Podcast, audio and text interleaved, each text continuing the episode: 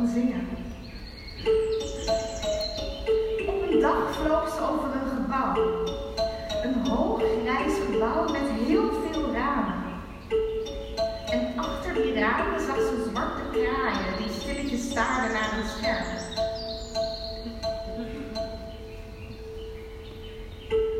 Ze cirkelde rond het gebouw en zag een stroom kraaien naar binnen gaan. Uit nieuwsgierigheid vloog ze mee. Ze ging op een muurtje zitten en om de stilte te doorbreken begon ze te zingen. En ze zong en ze zong en ze zong.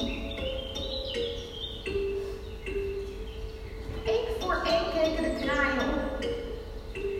Wat kan dat vogeltje mooi zingen, werd gezegd. Zij is precies wat wij hier nodig hebben. Zij heeft precies dat frisse geluid dat we willen horen. Precies de kleur die we zoeken.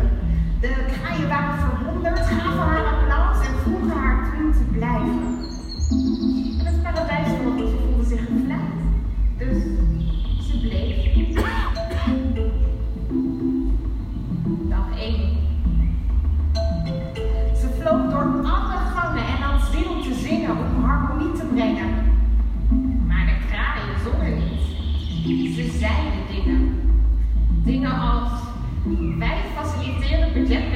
burgerinitiatieven om sociale cohesie te bevorderen. Inclusie in het participatieproces geven wij vorm via commitment sessies. Wij identificeren potentiële issues in het transactieproces en houden onafhankelijke audits om te voldoen aan regulatoire eisen. Het vogeltje probeerde er bovenuit te komen met haar gezang. Ze schudde met haar veren, sloeg haar vleugels uit, naar de muur. Maar de kraaien deden niet mee. Want tijd om mee te zingen? Geen tijd.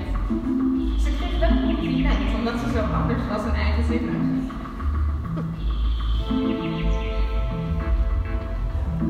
Dag 2.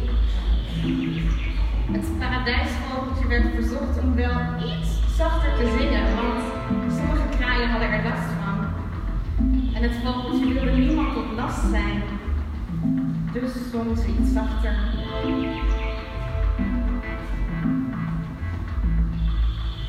Dag 3.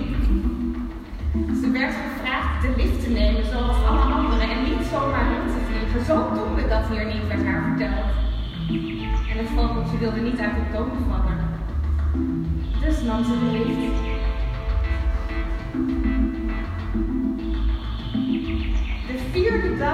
Werd ze naar de kapper gestuurd.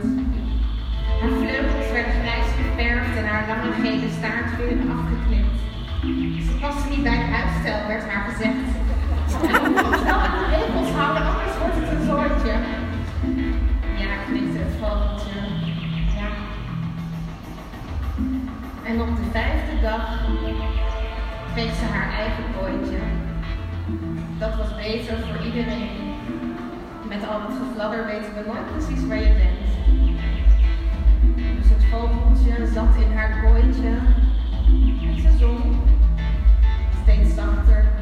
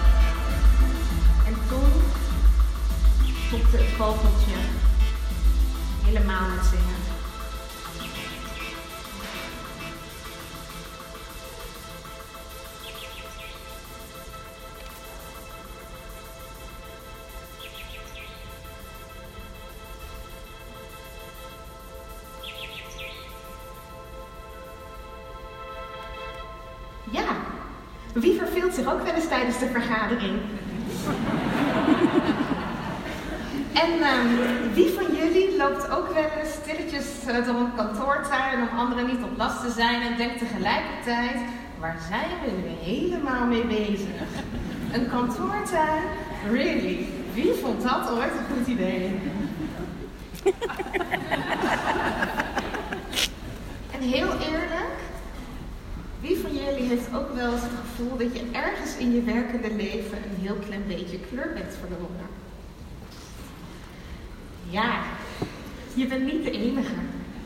Want maandag tot en met vrijdag van 9 tot 5 en soms iets langer verzamelen zich heel veel mensen zoals jij en ik zich in troosteloze ruimtes met systeemplafond, keel en licht, papieren bekertjes met slechte koffie en van die voorverpakte koffiekoekjes, om vervolgens zo bevlogen mogelijk naar elkaar te mailen en met elkaar af te stemmen.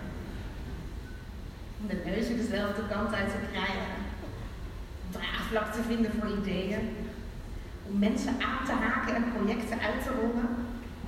En in het slechtste geval wordt er heel veel besproken in mooie woorden, maar weinig beslist.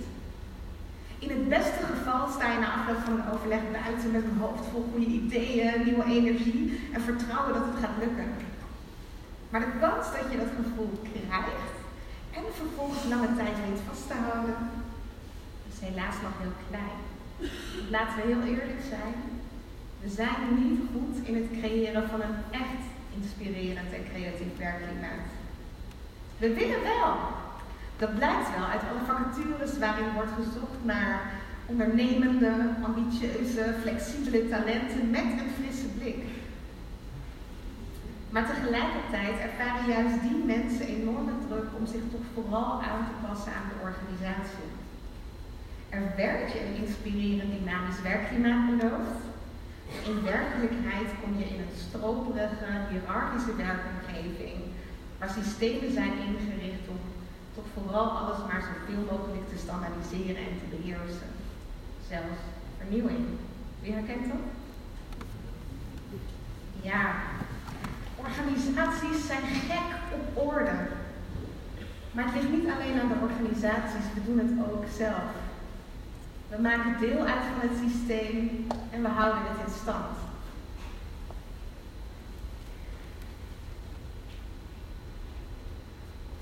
Orde hebben we ook nodig.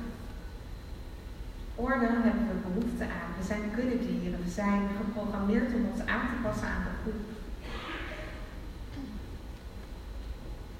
Maar een beetje chaos op zijn tijd is ook nodig. En dat lijken we even vergeten. Chaos gaat over spelen.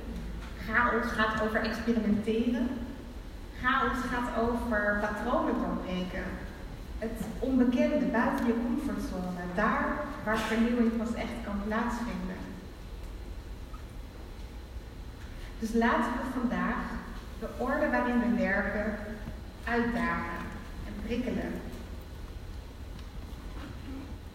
Laten we beweging brengen. Maar als je beweging wilt brengen in jouw organisatie, zul je eerst zelf in beweging moeten komen. Dus mijn vraag aan jou is: wat doe jij? Wat doe jij om de verandering te zijn die je in je organisatie wil zien?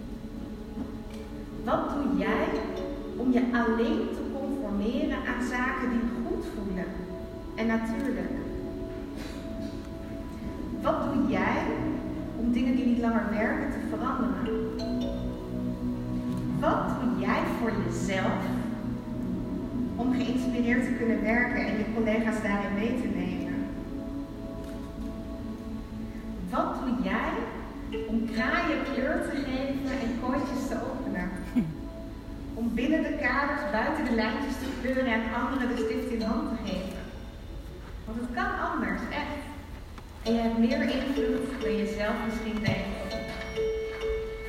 We zijn hier vandaag met allemaal paradijsvogels. Bijzondere, kleurrijke, eigenzinnige mensen.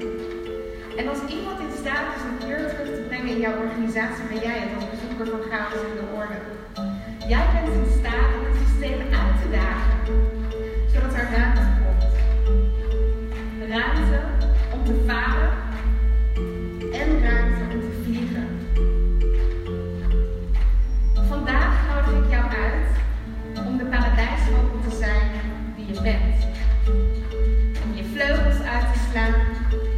je lef en je eigenzinnigheid te omarmen.